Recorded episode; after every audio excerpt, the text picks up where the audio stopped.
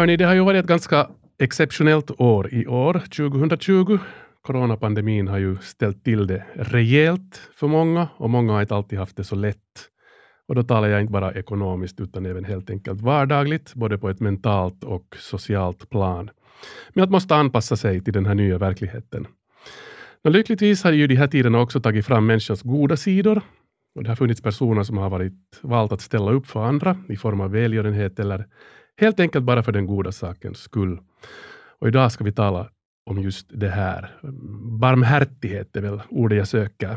Ni lyssnar på Efter nio här tillsammans med mig, Mårten Svartström, och veckans gäst är en företagare och restaurangägare från Vanda som samarbetar flitigt med skolor och idrottsföreningar och som bland annat dagligen delar ut överskottet från restaurangen till mindre bemedlade. Och under coronavåren så bestämde han sig till exempel för att gratis köra ut mat till över 70-åringar. Överhuvudtaget så har han satsat stort på att vara en del av det lokala samhället i Vanda och har bland annat sett till att sponsorera lokala idrottsföreningar. Han har talat i skolor om företagsamhet och samarbetat med kyrkan när det gäller till exempel julsångsevenemang och så vidare och så vidare. Veckans gäst heter Tommy Puikkonen och han utsågs nyligen, rättare sagt på svenska dagen till årets vardagshjälte, coronaåret 2020. Så vi ska strax få höra om hans tankar kring det här. Men lite senare i programmet kommer vi också träffa Tuula Colliander. Hon är verksamhetsledare på Helsingforsmissionen. Och hon kommer att tala om att hjälpa och framförallt om hur hjälpen som behövs nu för tiden har lite bytt skepnad. Och då talar vi inte bara om det här coronaåret utan i största allmänhet den senaste tiden. Det handlar nämligen ganska långt om de bortglömda i samhället och de som är ensamma.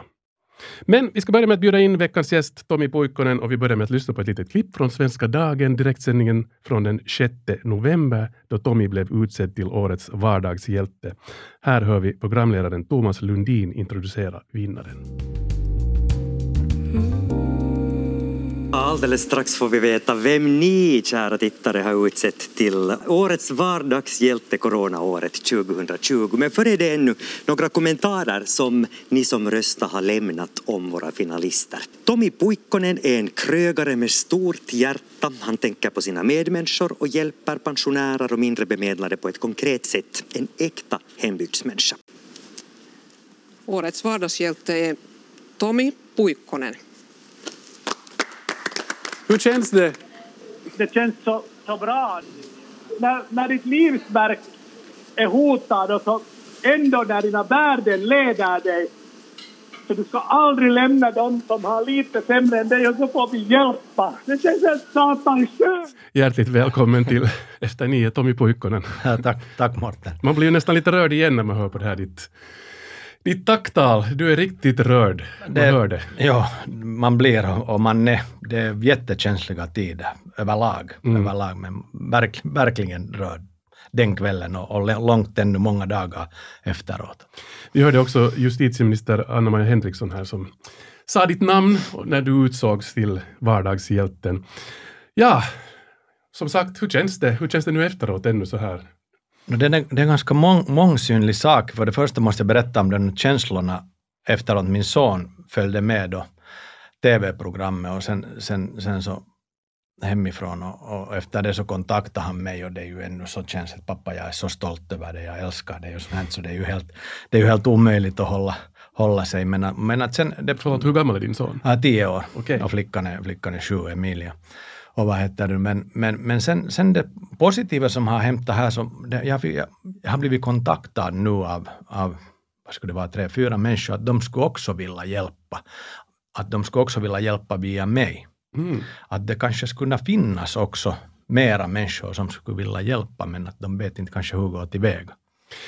Vi ska ta fasta på det där med en liten Ja. stund också. Och kanske också tillsammans med, med Tuula Colliander om hur, hur man kan liksom hjälpa om man vill. Ja. Men eh, berätta lite, om vi går tillbaka i tiden. Så, va- varifrån kom det här initiativet att börja med sån här verksamhet? No det här, för, för det första var det ju bara en manlig dröm att ha en egen restaurang och vi går tillbaka fyra och ett halvt år. Uh, och vi har, vi har gjort genast när vi har ungefär börjat, bara vi har nu fått menyerna printade så har vi börjat nog hjälpa. Eller det gick nog så att när jag var i Spanien på siesta ett halvt år och, och, och, och ta lite syre och funderat vad jag vill no, så, kom, så, hade vi, så, så, så fan, kom det sen en möjlighet att öppna en restaurang och, och, och så började vi och, och, och fundera hur vi får pengarna ihop och så här. Sen allt var klart, så det var första vad jag gjorde. Jag ringde från Spanien alla idrottsföreningar genom att hej, att vi vill börja göra samarbete med er. Och sen tiden gick och, och, och, och, så kom vi hem och, och öppnade restaurangen, men, men där också så, så det var nog jättesnabbt. Jag kommer inte ihåg exakt när det var, men, men, men vi har som granne har vi en kyrka som, som delar ut mat och, och, så var jag genast i kontakt där att hej, att skulle vi kunna göra så. Vi har, vi har hållit på att göra det här allt redan i fyra och ett halvt år. Så det, det är ingen ny grej. Men vi har varit ganska tysta om det.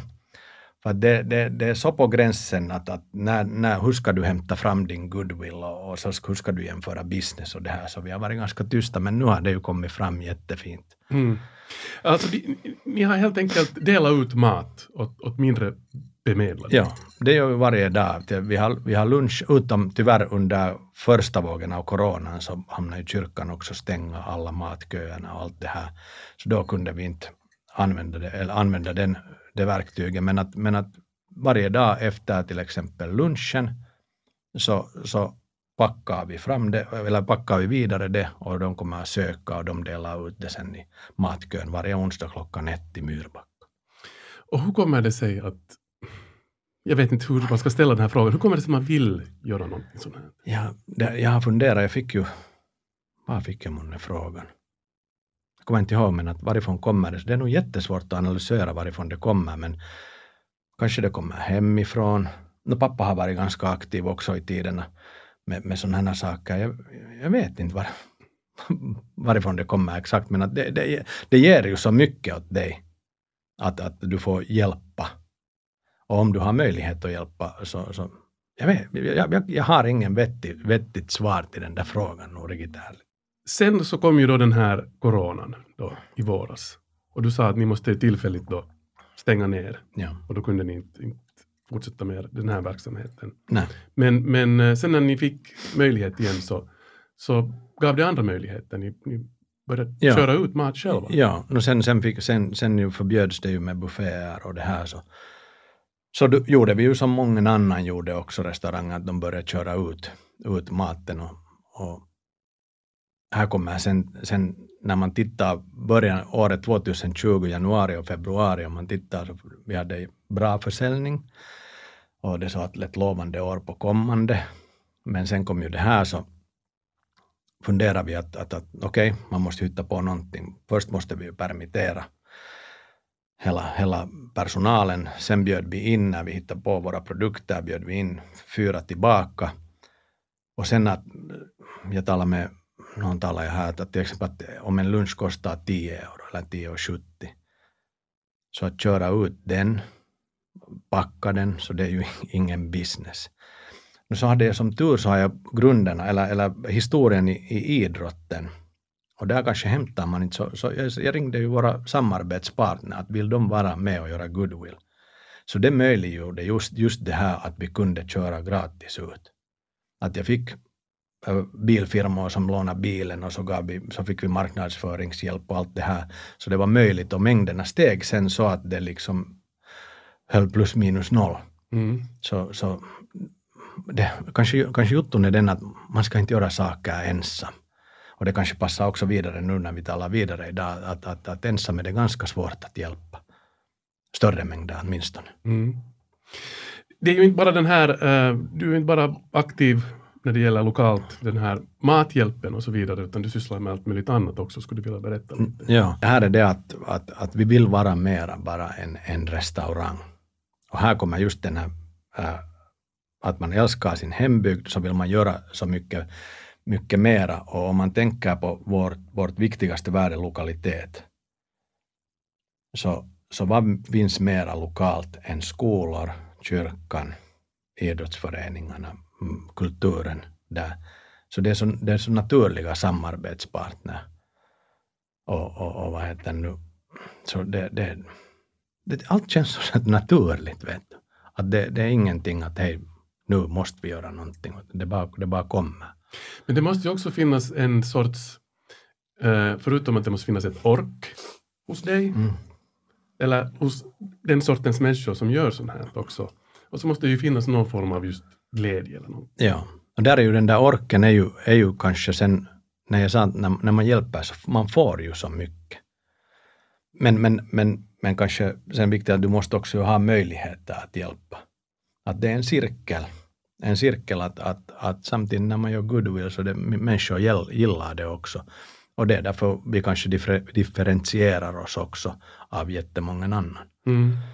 Och, och allt det här med att tala i skolorna, så alltså det, det är ju helt det, det, är också jätteroligt. Det, de, de lyssnar ju på dig. Du måste, jag tala här tidigare också, att man måste bara tala deras språk. Man måste lite svära och så här. Så de, så, när de just, just orkar hålla sig vet du, i bänken så, så jag har nog fått jättemycket tack om det också. Att, att, att, att, att när det, för att människan är, när man är 15 till kanske även 30, även 35, så man söker ju sig hela tiden. Man vet, alla vet ju inte vad de vill bli. Och det är ju ganska stressigt in nu när man är 45 själv och funtsar att hej, det där behöver jag inte ens funcha mera på, vad skönt. Mm. Och, och, nu har de ju också tungt och funsat, vad skulle jag vilja göra och motivationen lite dålig. Och, och, och så här. Hur var du själv när du var i skolåldern? Fanns det den här sortens människor? Som... Nej, inte kommer jag ihåg åtminstone det var nog en klassledare, att, att, att jag höll dem, jag, jag, har nog, jag har nog lite dåligt att vara med, jag har bett om förlåtelse. Jag var nog en liten mobbare, men jag höll också på de, de svagaste sida. Och de som jag har någon gång mobbat så jag har nog bett jättemånga gånger om förlåtelse. Och det, det, det berättar, sen när du undersöker dig själv när du är lite äldre, så det berättar ju bara om hur, hur dåligt du mår själv om du måste göra det. Mm. Och jag kanske ett förlåtelse åt mig. Men det, det var, okej okay, man ska ju inte, man ska ju inte liksom, det var nog smått om man jämför, men att allt, det ska vara nolltolerans på allt. Mm. Och samtidigt vill jag säga att jag höll de riktigt svagaste sidan. Har du dina rötter djupt i Vanda? Där i, i, 45 år. I de där trakterna? Ja, ja. Jag, har, jag bor, bor jag nu 900 meter från mitt hem var jag föddes. Okay. Halvt år bodde jag i Spanien. Men annars så är det ja. i de där trakterna i ja. som har varit ditt. Ja. Jag förstod att, äh, att här under coronavåren också så, så vad heter det, förde du också kanske en kamp med dig själv, att du kände dig lite nere på grund av allt det som hade hänt. Skulle du vilja berätta? Jag kan gärna berätta, berätta vår, vårt andra värde, det här mitt personliga värde också, men ett, vårt, ett värde i, i interna med personalen är öppenhet. Och, och och de som känner mig så vet att jag är ganska extremt öppen, så det är inga problem. Jag, jag hade alltså, jag hade skilsmässa, så hade jag där, där också ett, ett, ett förhållande som var riktigt, riktigt eh, giftigt, om man kan kalla det. Och det söndrar ju, hela den här helheten söndrar ju mig själv helt. Jag gick över mina egna gränser många gånger och var riktigt ute. Och här måste jag tacka min min businesspartner som höll, höll liksom firman under tiden när jag var ju helt i blåsten. Men så måste, sen, kom, sen kom bara väggen, väggen att det var bara att lyfta händerna upp och, och säga nej satan Tommy att nu, nu, nu måste jag göra något. För man bara pushar framåt, pushar framåt, mådde illa, mådde illa.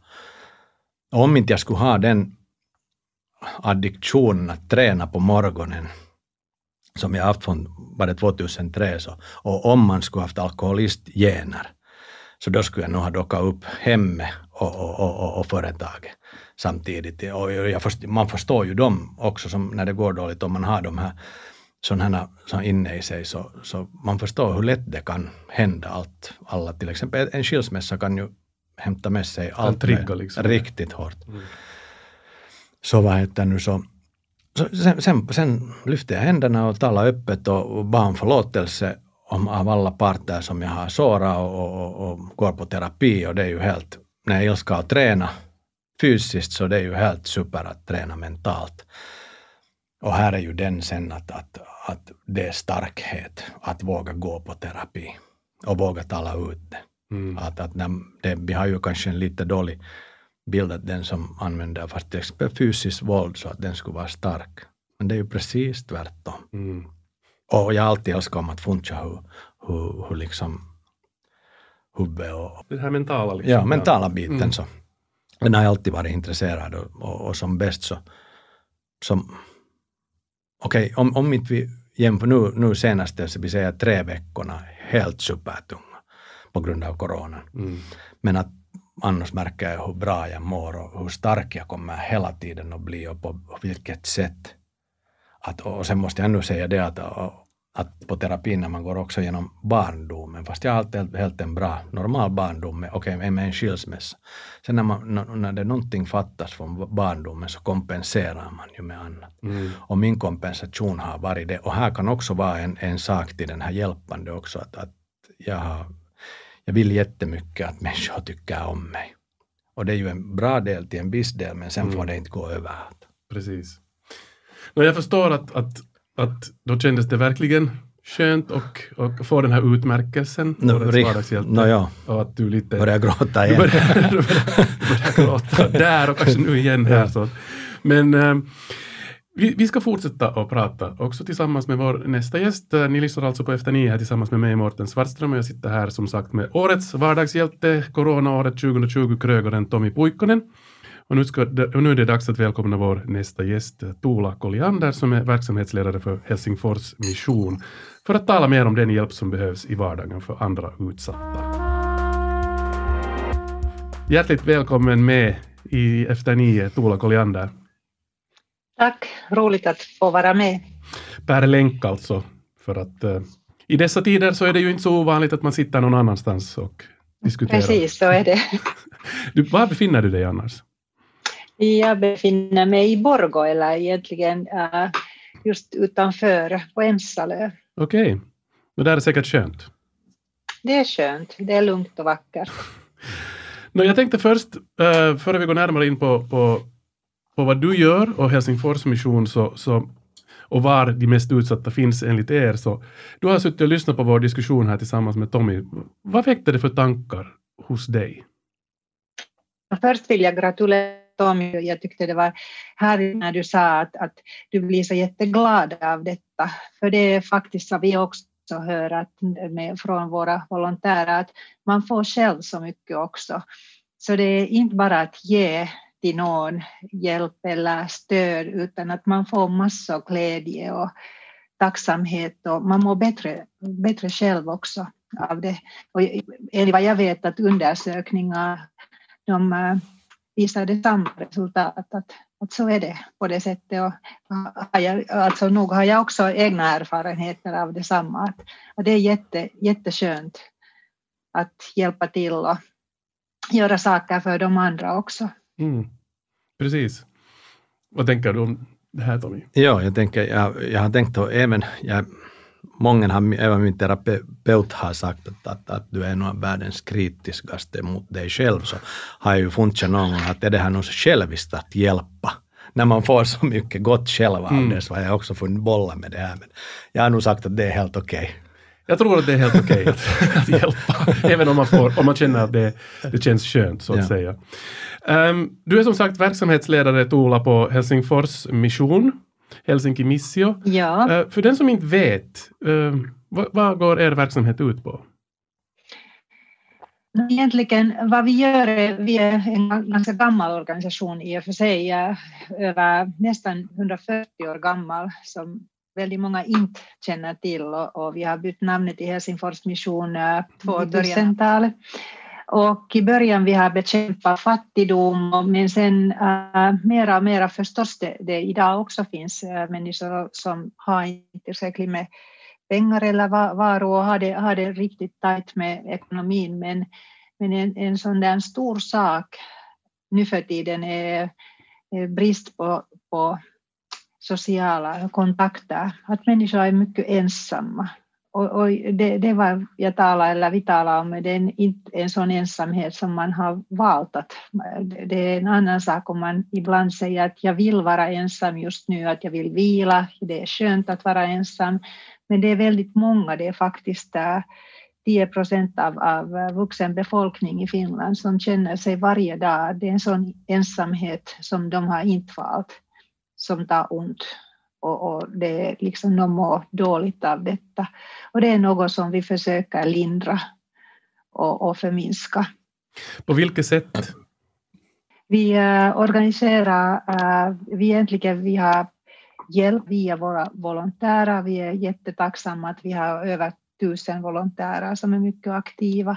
Vad de gör är det att de eh, funkar som stödpersoner, så mm. att de träffar seniorer, unga barnfamiljer, de ger engångshjälp. Det betyder att eh, man kan gå ut på en promenad, man kan hjälpa till med sådana vardagliga saker, olika kanske liksom nu för tiden under corona det har varit mycket sånt att man har behövde kanske hjälp med att köpa mat eller, eller några andra saker. Man har lite problem med seniorer kan ha problem med att hur man använder datamaskiner. Det skulle vara trevligt att göra saker på distans men man kan inte, man vet inte hur, hur olika saker funkar. Så kan vi ha våra volontärer som hjälper till och sen har vi också vi har professionell hjälp, Eh, sån riktigt låg tröskelhjälp för, för unga. Och de kan bara komma in eller beställa faktiskt en tid och tala med någon helt. Man kan göra det helt anonymt och det kostar ingenting. Att vi försöker vara där till, eh, till hjälp eh, med mycket låg tröskel och äh, så där snabbt om man säger också utan långa väntetider. Så att stödverksamhet och, och sen professionell eh, samtalshjälp och krishjälp. Det är intressant för att när du berättar det här så låter det ju egentligen ganska enkelt, eh, mm. men samtidigt är det ju jätteviktigt. Helt tydligt. Det. Är det här Tommy någonting som du också har märkt i din, i din verksamhet, att, att folk är ensamma? Nej, det, varje onsdag klockan ett när man tittar ut från restaurangens fönster ser att enhet där inre filé där på inre sidan och på yttre sidan ser där människor som har riktigt hårt och, och sen kan, det är ju, man skäms ju över att vara i matkön. Mm. Så, så säkert. Det, jag fick bara nu lite dåligt, jag borde ju hjälpa min egen mamma mera just med att hjälpa med datorer. Men, men emellan bara orkar jag inte. Så tar det att jag ska ladda Facebook på nytt så det kan ta leveranstiderna för mig kan vara två veckor. Så att jag fick ju lite dåligt att vara. Men det där dataproblemet är ju ett, ett jättestort problem säkert. Mm. Alltså det här är ju, det, är det. det låter som ett, ett, ett, alltså om man vill hjälpa så låter det här ju som ett jätteenkelt sätt att, att kunna vara med på det här sättet och vara en sån här volontär som, som, som är en stödperson som är ett, eh, ett sällskap åt någon. Eh, vet vi, Tola, varför det har blivit på det här sättet, att det finns så mycket sådana ensamma människor? Finns det någon direkt orsak eller är det bara en del av vårt samhälle? Uh, no, jag tror att det, det, är lite, det är en sån mångsidig fråga faktiskt, eller, eller problem om man vill kalla det. Det är, det är i en stad förstås det människor det är massor med olika människor, som, det är många unga som kommer att studera typ till Helsingfors och kanske deras eh, släkt och anhörig familj är annan, någon annanstans så det är kanske lite svårt att, att hitta vänner genast. Så det kan vara en orsak.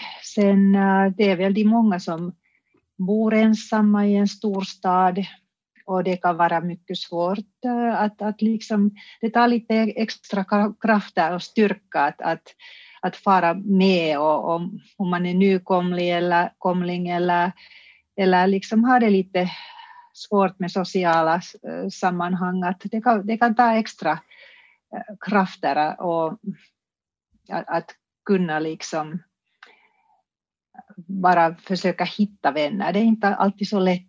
Och ändå liksom vi människor, vi behöver andra människor. Att vi är på det sättet sociala djur. Att det, vi mår bra när vi får liksom, eh, dela med oss liksom samtal. Vi får, vi får berätta om känslor och hur det står till. Och, och, det är ganska hemskt om man inte har någon att tala med eh, och, och liksom dela vardagen alls med. Och då är det viktigt att det finns organisationer och, och stad, kyrka, äh, olika liksom volontärsgrupper vad man kan komma till och, och liksom kanske ha någon trevlig hobby tillsammans, sjunga tillsammans. Vi har varje vecka under den vanliga tiden vi har en sån här allsång var, var alla kan samlas och sjunga tillsammans. Så det, det är jättepopulärt och trevligt.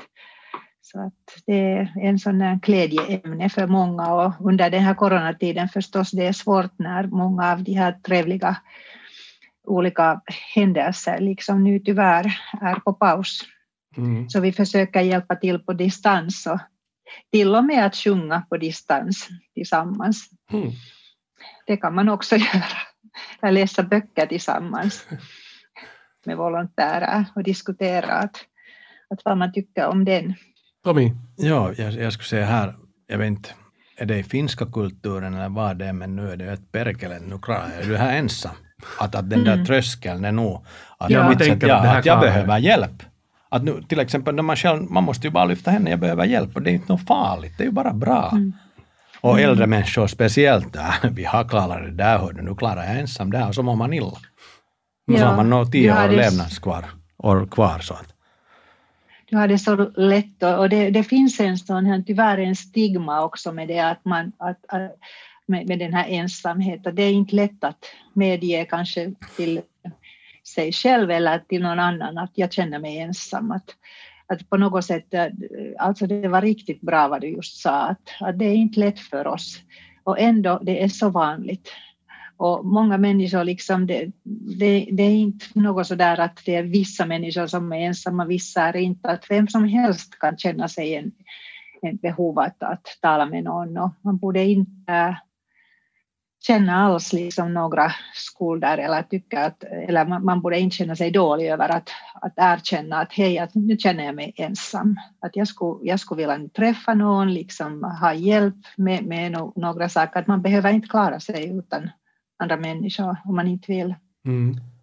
Jag har försökt tala, tala med äldre personer och så kommer, då kommer jag ihåg- en diskussion med mamma just, hon blev också på pensionen 73, hoppas det gick rätt. Men att, att, att det krävde, nu lever hon riktigt bra, när jag sa att gå med bara, gå med med pensionärerna hit och dit. Och, och, så förra året dog två riktigt nära vänner åt henne och så förstod hon, nej Samarit, jag måste ju börja leva livet. Och det här och, att, och, och sen tycker jag den här finska slogan eller vad man säger, kel onni on se onnen kätkekön. Det är ju riktigt hemskt. Att, att, att, att okej, okay, det går riktigt bra för mig. Så det är ju sen motsatta sidan till det där. Att, Mm. att våga, våga leva också, det är också en sak. Mm. Ja, det, det är mycket sant. Att våga leva, det är liksom, vi borde uppmuntra varandra mera med det att, hej, att det är livsglädje att våga leva och, och våga också säga att hej, just nu behöver jag lite hjälp och sen och det händer ofta att sen när man får lite hjälp och lite push, liksom, eh, då kan liksom, det är väldigt ofta att sen den människan liksom ger det vidare. Att det är en sån här snöbollseffekt. Att, att eh, vi har också många som sa att hej, att det var nu någon som sa att min, min ähm, äh, fru dog eller min man dog. Och jag var så ensam och visste inte att vad ska jag göra med mig själv. Men sen hittade jag den här äh, trevliga seniorkafén som ni har. Och nu har jag sagt till andra också att kom hit och, och, och nu har man vänner och, och liksom att det går vidare sen samma sig med, med unga när de har sen hittat liksom samtalshjälp och de har sen berättat till en kompis och kanske liksom då de själva sen senare blir stödpersoner. Att man kommer nog ihåg den sen att eller man förstår det bättre kanske då själv att, att, att ge vidare också den goda känslan som man har fått. Mm. Och sen, sen, sen en, en uppmärksamhet har jag märkt det att, att om det är svårt att ta, ta emot hjälp och människor, jag tror inte att de tänker, men att man, man ska kunna tänka så att hej, nu när jag Mårten ber hjälp av dig och du hjälper mig. Tänk som dialog, tänk hur det känns åt dig att du får hjälpa mig. Mm. Så det är ju hirve win-win. Ja. Och det känns bra för dig och det. här. Att om det är så att Ja. nu, jag, jag är inte för mig själv ber hjälp, men man skulle kunna tänka hej, om jag ber av den där så, så då, då, känns, då känner han sig jättebra. Ja, ja, precis. Jag har inte tänkt Ja. på det där. Nej, jag, jag har tänkt, det här, är- det här är från ett par, från parförhållande det är också bra. Att, att be där också hjälp. Vet du. Så det känns ju, hej jag får hjälpa. Jag, jag är ju manlig eller, eller känner mig kvinnlig eller vad som helst. Så att det är också, det är bra psykologi. Mm, absolut. Håller du med Tuula? Absolut, det, det låter perfekt, riktigt bra. Jag tänkte här till sist ännu fråga er eh, lite så här om, om vad skulle ni vilja säga till dem där ute som, som eventuellt har funderat på just att börja hjälpa på vilket sätt som helst men som inte riktigt har fått till det, så att säga. Några tips, Mm. goda råd eller, eller sparningsord till dem? Um, skulle du vilja börja, Tola? Ja, gärna tack. Jag skulle säga att det lättaste, man kan egentligen bara börja med, med en granne fast eller någon ung, äh, ung person som, som man känner till och bara liksom säga att hej, att hur mår du? Att jag tycker det är det lättaste om man säger det är det bästa. Äh, jag just läste det att äh, faktiskt att, att det är det bästa katastrofhjälp egentligen att fråga en granne att hej, allt väl, hur mår du? och sen lyssna. Att, och, och för de unga som nu för tiden, man talar mycket att vi har en del ungdomar som mår inte riktigt så väl. Så jag tror också att, att vi kan alla lite bry oss om, om de andra unga också, inte bara våra egna och lite bara fråga att hej, hur, det, hur står det till? Och det kan vara en enorm betydelse för någon att, att någon är intresserad att hur jag mår idag och lyssnar vad jag säger. Och det är det lättaste och sen förstås man kan börja, tycka att eh, just sån här lokalhjälp och, och att, att fråga till, att som vi berättade tidigare att, att dina kompisar har också frågat att jag vill komma med och hjälpa till. Att liksom sen att, att göra det tillsammans med någon annan. Eh, det är alltid liksom lättare och det är roligt att göra tillsammans någon sak lokalt. Det finns säkert mycket möjligheter sen när man börjar lite granska. Och sen finns vi också i eh, organisationer som alltid välkomnar volontärer. Det är liksom, vi försöker göra det att det ska vara så låg tröskel också att komma med i verksamhet som möjligt. Så att jag vill mycket gärna också lyssna till alla goda tips att om det känns svårt att typ komma till Helsingfors vision, vi vill gärna veta så kan vi göra något åt saken men vi vill säga att alla är hjärtligt välkomna att komma och, Mm. och komma Tack, som volontärer. Um, Tommy? Ja, jag, skulle, jag, jag funderar här under att samtidigt när Tuula talar så kanske, kanske ena, ena saken att våga hjälpa. Mm. Att det är också att, att, att det finns ju människor som är pratsamma och så här vågar, vågar men att sen kanske finns det en, en stor massa som inte kanske bara liksom ids eller vågar och så här men att, att våga hjälpa det ger så mycket. Mm. Det ger så mycket, inte, annat kan man inte säga. Mm. Absolut. Hej, tack för de här, det här samtalet och uh, tack än en gång till den, den, det, fina, det fina ni gör helt enkelt. Um, Tuula Colliander, verksamhetsledare på Helsinki, Helsingforsmissionen, tack så mycket för att du var med Efter nio. Och tack, Tack, Tommy det var Puikkonen. glädje att vara med. Tack, tack. Tack. Tommy för att du var med, årets vardagshjälte, uh, coronaåret 2020. Uh, grattis än en gång. Tack, tack. Ni har alltså lyssnat på Efter nio här tillsammans med mig, Mårten Svartström, och vi är som vanligt tillbaka nästa vecka med nya utmaningar och nya gäster. Vi hörs.